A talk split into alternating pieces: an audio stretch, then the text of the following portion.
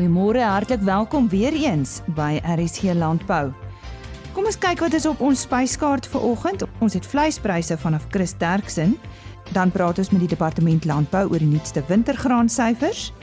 Ons uh, praat oor 'n opkomende boeredag wat Sybokhaar SA onlangs aangebied het. Die Flekfees was ook vanjaar by die SA Kaasfees en Adri Kitsof Botha van Wildbedryf Suid-Afrika praat oor vanjaar se jagseisoen.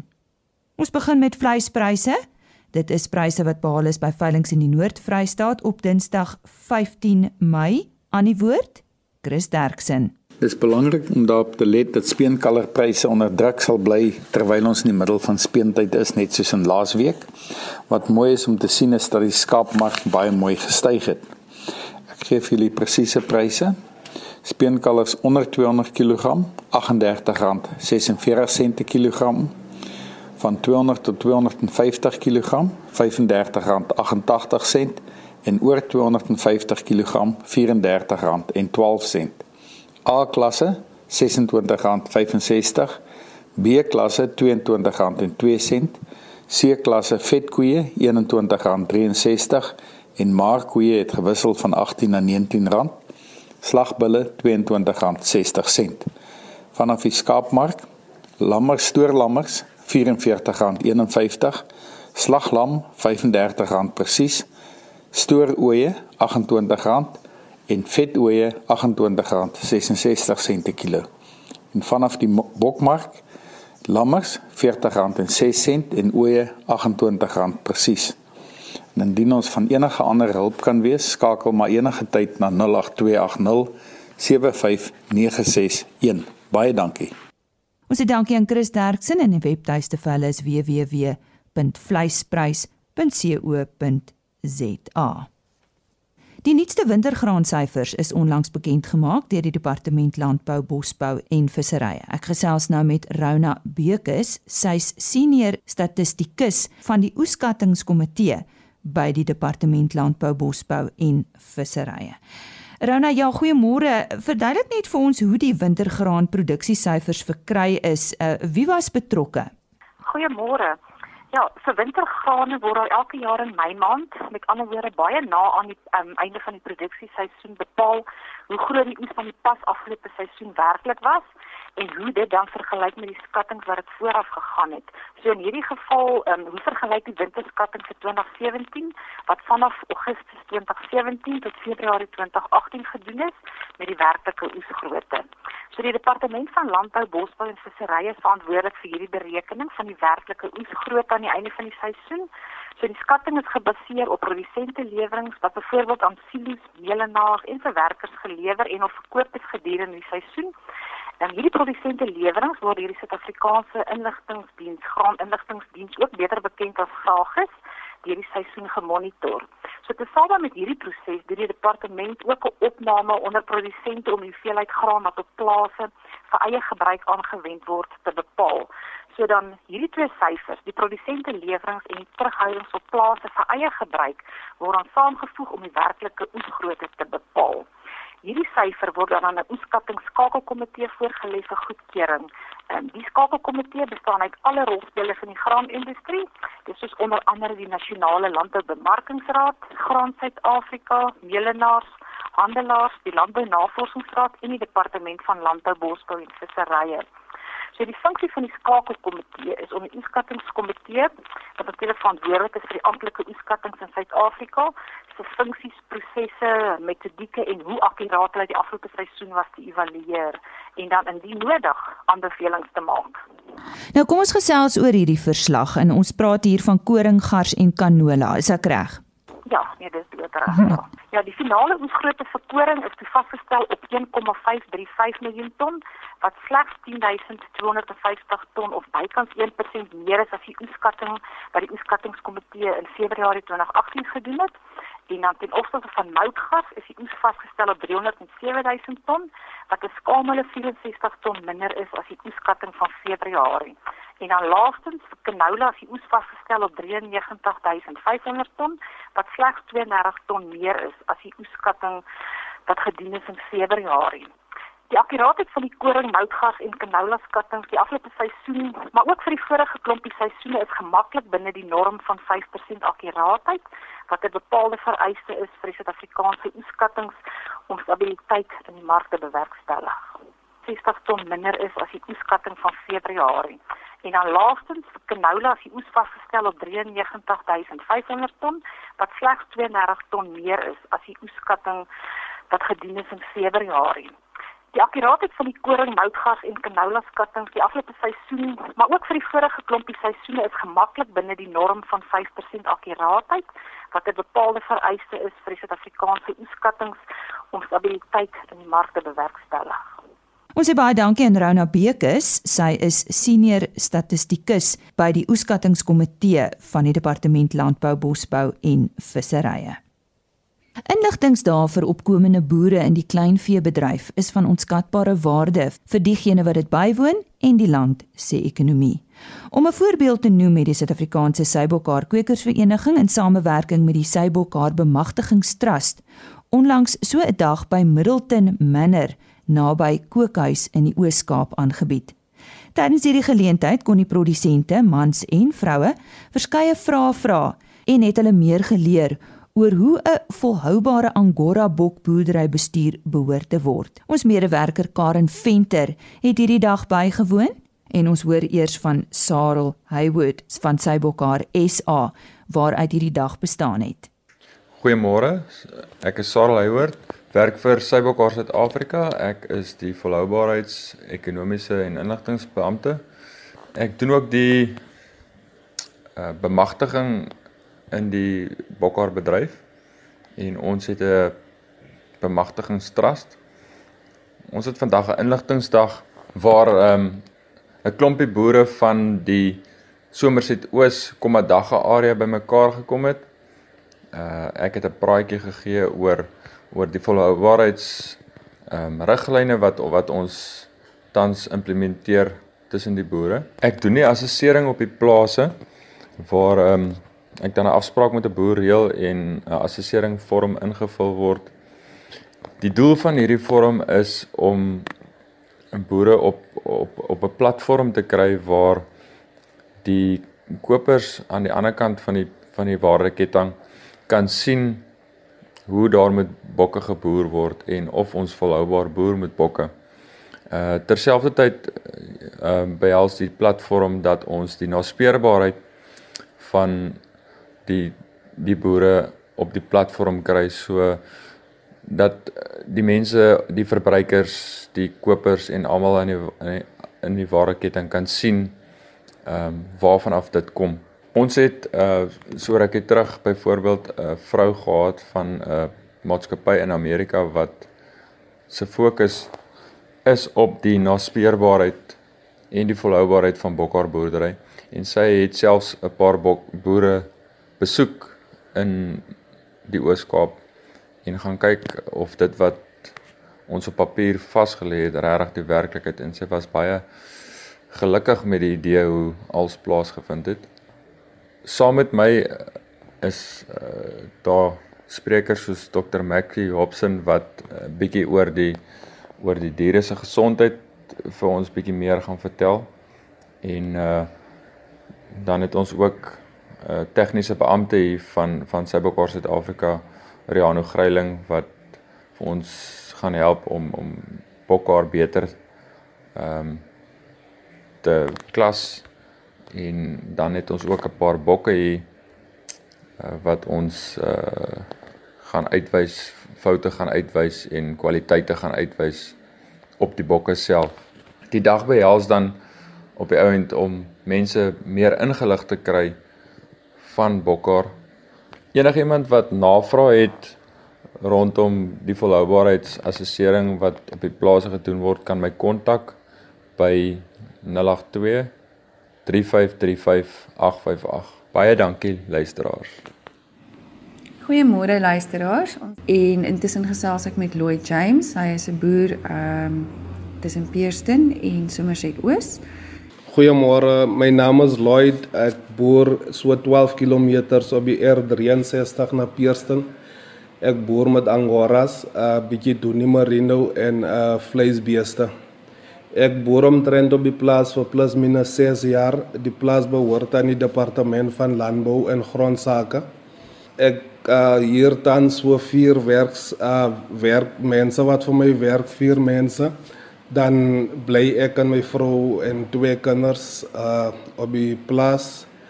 En um ek wil graag voordat ek verder praat van my boerdery wil ek graag vier mense uitsonder wat uh, wat ek al skuld in my in my uh uh sukses in my boerdery. Uh 2 liter uh 2 liter tot ek op die plaas kom toe hy my gehelp met so 300 angora. met so 300 angora oeye. Ehm um, lood liter. Ehm uh, het vir my so 15000 rand se draad gekoop om krale reg te maak op die plaas. Uh Bertie Devonport het vir my so 'n paar angora oeye gegee ook. Uh dan is dit Dale Cunningham wat vir my so 100 uh beefmaster uh koeie gelos het waarvan ek so 50% van die aandeel kry en hy vat 50% van die ander aandeel. Ek voel dat um, ek skuld my sukses aan al aan die vier kommersiële boere hulle hulle regtig hulle was my steunpilaar in my sukses en ek kan net sien dat van van hier vanaf af kan ek net groei en beterder raak in my boerdery. Uh my mikpunt met my angoras is um uh, dat uh ek wil graag ek is baie lief eerstens ek is regtig baie lief vir angoras. Ek uh ek ek ek ek, ek, ek dink angoras is 'n goeie kredietkaart uh dat dat as 'n mens geld nodig het, jy kan net in jou bokke ingaan en skeer en en as jy mooi kyk na hulle sal hulle mooi kyk na jou. Uh die angoras, uh my mikpunt is om in die volgende 5 jaar om so teen 1000 oeye te hê. En um en en en kommersieel met my heeltemal groot wees met my angoras.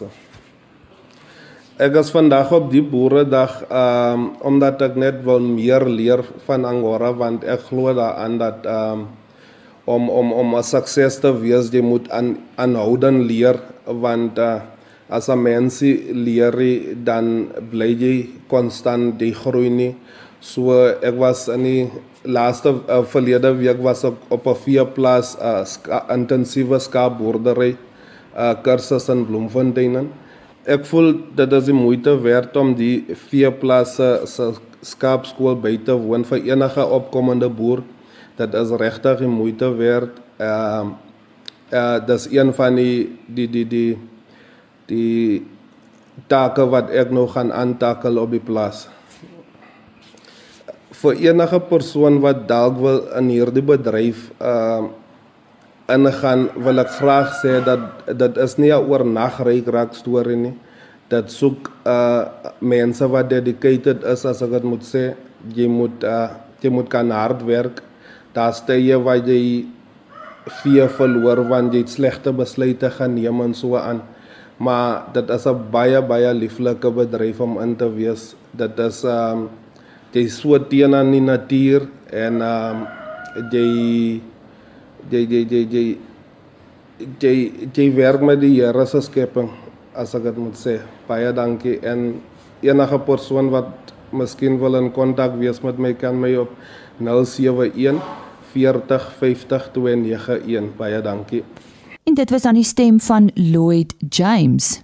Nou maandagooggend gesels ons verder oor hierdie inligtingsdag vir opkomende boere in die kleinveebedryf. Dan hoor ons van Dr. Makkie Hobson. Hy is 'n veearts wat uh, ook 'n aanbieding gedoen het tydens hierdie sessies en ons praat met nog 'n opkomende boer. Onthou dit is maandagooggend op RSG Landbou. Die vlekvies was ook teenwoordig by die Suid-Afrikaanse Kaasfees vanjaar en ek het daar met Tuis Swart gesels, 'n man en sy familie wat lankal reeds by hierdie ras betrokke is.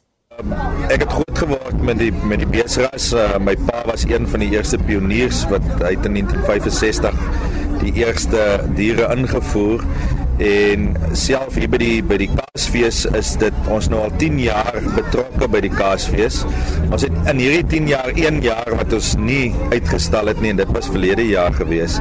En in hierdie 9 jaar wat ons uitgestal het, ons 8 keer die trofee in die melk uh milk factory gedeelte het ons die trofee vir die beste stalletjie gewen. En ehm uh, dit is vir, vir my as boer baie belangrik om betrokke te wees by sulke ehm um, uitstallings ehm um, aangesien die die publiek moet meer ingelig word oor landbou en ek dink daar's 'n groot gaping tussen landbou en kosprodusering en die gewone verbruiker. Waar is uh, jou plaas geleë, uh, Tuis? Ons is naby aan Swellendam teen die voet van die Langeberg. Uh melk ek self uh my vlekvee beeste en op klein skaal maak ons bietjie kaas en botter en so aan. En dan uh ja, verder uh hou ons daarvan om die ras te bemark omdat die ras eintlik baie meer blootstelling moet kry in die land uh onder onder landbouers. Ja, ja. Praat 'n bietjie van met ons oor die ras. Wat is sy eienskappe? Die ras is eintlik baie besonder want uh, dit is die ras met die hoogste gekonjugeerde linoleensuur in die melk nou uh, of CLA en kort. CLA is 'n is 'n essensiële vetsuur wat kanker veral teewerk, hartvaskiektes, arteritis en so meer. En ons het toetse gedoen by myself. Op ander plase was met ander rasse vergelyk het en ons het agtergekom dat uh, die CLA vlakke is meer as dubbel die hoeveelheid as in ander rasse. En dan ook omega 3 is is hoër en dan het ons ook um, ontdek so 2 jaar gelede dat vlekvee melk uit die A2 beta kaseïne bestaan wat dieselfde as bokmelk is en waterbuffel en jak byvoorbeeld. En mense wat ehm um, allergies is vir melk wat nie kan melk drink nie koeimelk kan drink nie kan A2 melk drink. En uh die die die verbruikers moet net A2 melk uh Google dan sal hulle die hele storie sien wat is A2 melk en die besondere eienskappe van A2 melk. En binne die vlekvee ras is ongeveer 80% van die koeie A2. In ons eie kudde het ons koeie laat toets. Hulle is in Duitsland getoets en ons um, melk al ons A2 vlekvee koeie apart en daarvan maak ons ons kaas en ons botter. En waar kom die vlekvee oorspronklik vandaan? Die vlekvee uh, kom uit die Duitse en die Oostenrykse Alpe. Ehm um, hy staan onder verskillende name bekend. Ek in in in Frankryk noem hulle hom die Montbéliard en Duitsland noem hulle hom Vlekvie, Oostenryk Vlekvie, in Switserland noem hulle hom Simmentaler en in Suid-Afrika ehm um, is alle Simmentalers eintlik Vlekvie. 90% van alle Simmentalers in Suid-Afrika is ingevoer uit Duitsland en Oostenryk. En my pa was een van die eerstes. Uh, ons stoet is die derde oudste in die land. En ehm um, die rede hoekom hulle hom Simmentaler noem in Suid-Afrika is die feit dat die eerste diere deur uh, president MT Steyn in 1905 ingevoer was uit Switserland en daar noem hulle die ras Simmentaler. En ehm um, ons in in die suiwergedeelte bemark die ras as vlekvee. Want as jy vir 'n suiwerboer sê maar ek melk Simmentaler, kyk hulle jou groot oog aan want dis dan nou 'n vleisras hierdie. Ja. En uh, ons het agtergekom as ons sy Duitse naam gebruik as die meeste mense baie meer geïnteresseerd om die ras te gebruik in kruisteelprojekte en so meer. Elsenburg was in die verlede baie betrokke in ons navorsing Dr. Karel Miller en so voort. Ons het baie navorsing gedoen oor kruisteelprojekte en die kwaliteit van melk en so voort.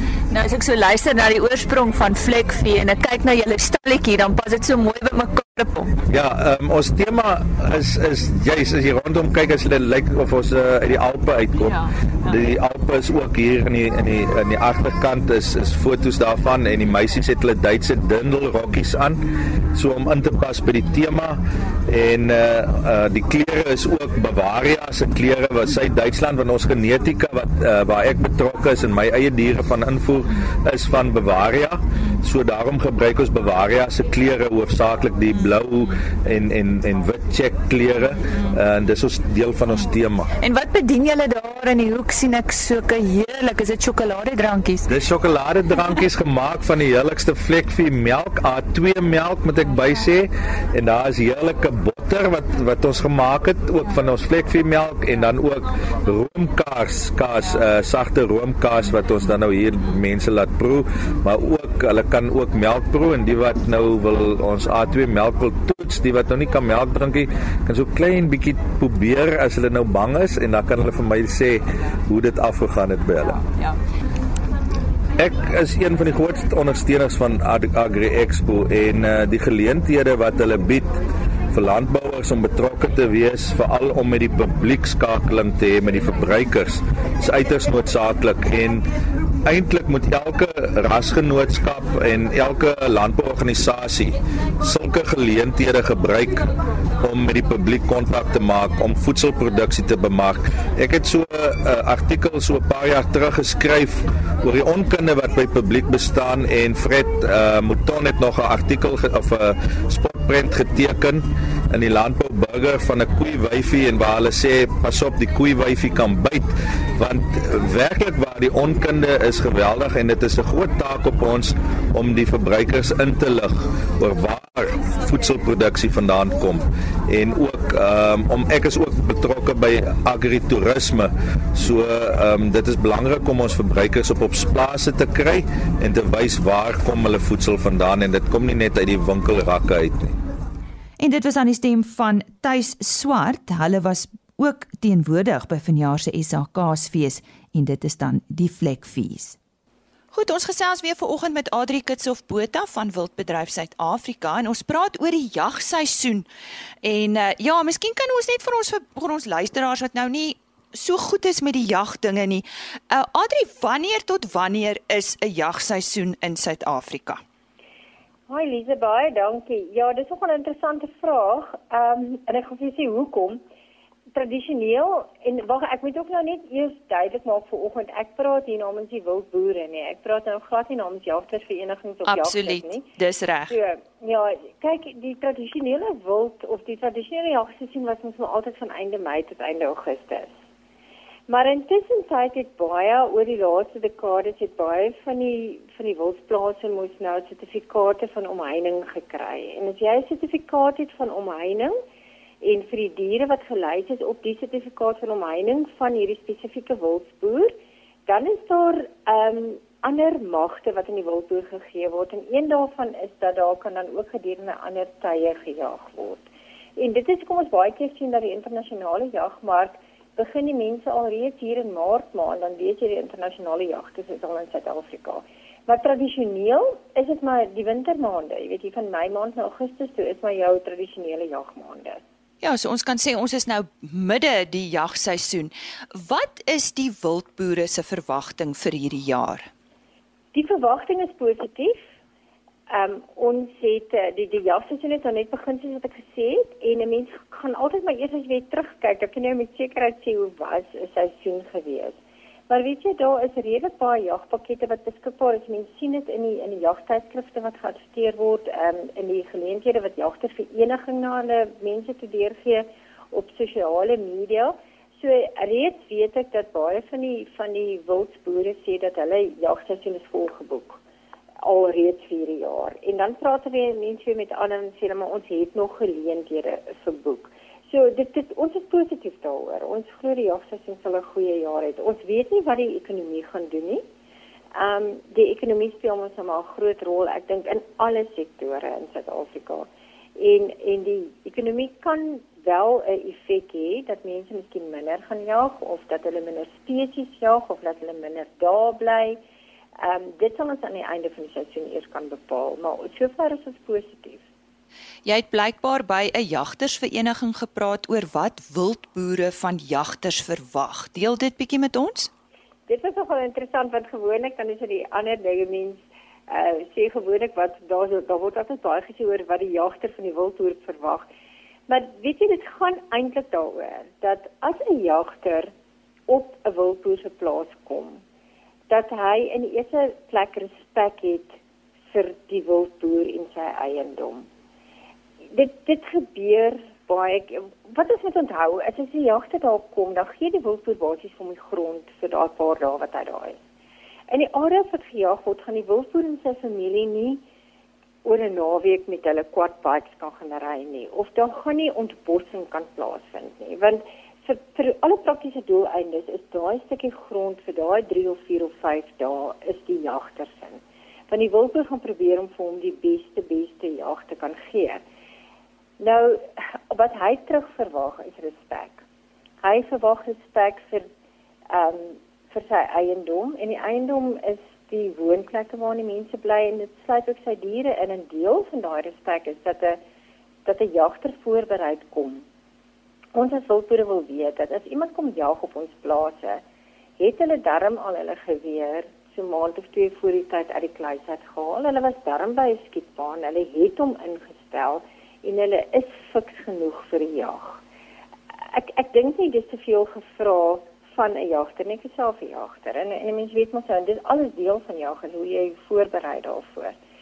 En ehm um, en dan verwag 'n wildboer van 'n jagter of dat hy begrip het. En dit is 'n baie baie wye term.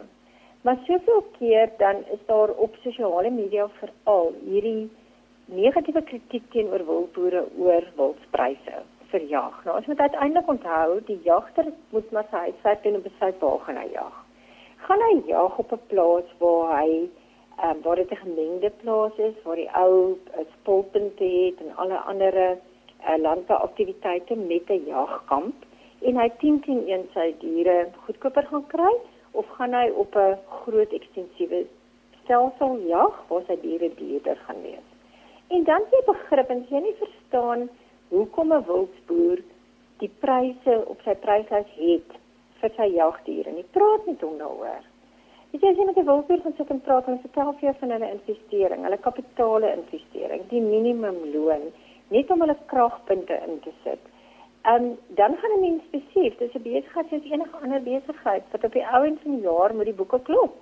En ehm um, so respek en begrip is twee goed wat 'n wildboer verwag van die jagter wat sy plek besoek gaan jag altyd sê dat jy altyd weer teruggenooi word, sê ek altyd. Kom ons kom ons draai dit dan nou om. Wat verwag die jagters dan van die wildboere? Weet jy die wildboere van ons kant af, ehm um, wildboere moet dit wat jy beloof het met jy gee. Met ander woorde, as 'n wildboer adverteer dat hy ehm um, rooibokke, soveel rooibokke in hierdie jaar kan afhaal op sy plaas, dan moet van hierdie jagter daar kom, moet die rooibokke daar wees. Jy moet nie jy moet nie iets aksepteer wat nie daar is nie. Wanneer jy ehm um, jou akkommodasie adverteer, baie mense soek baie baie basiese akkommodasie. Maar as jy 3 of 4 of 5 ster akkommodasie adverteer, dan moet jy dit lewer.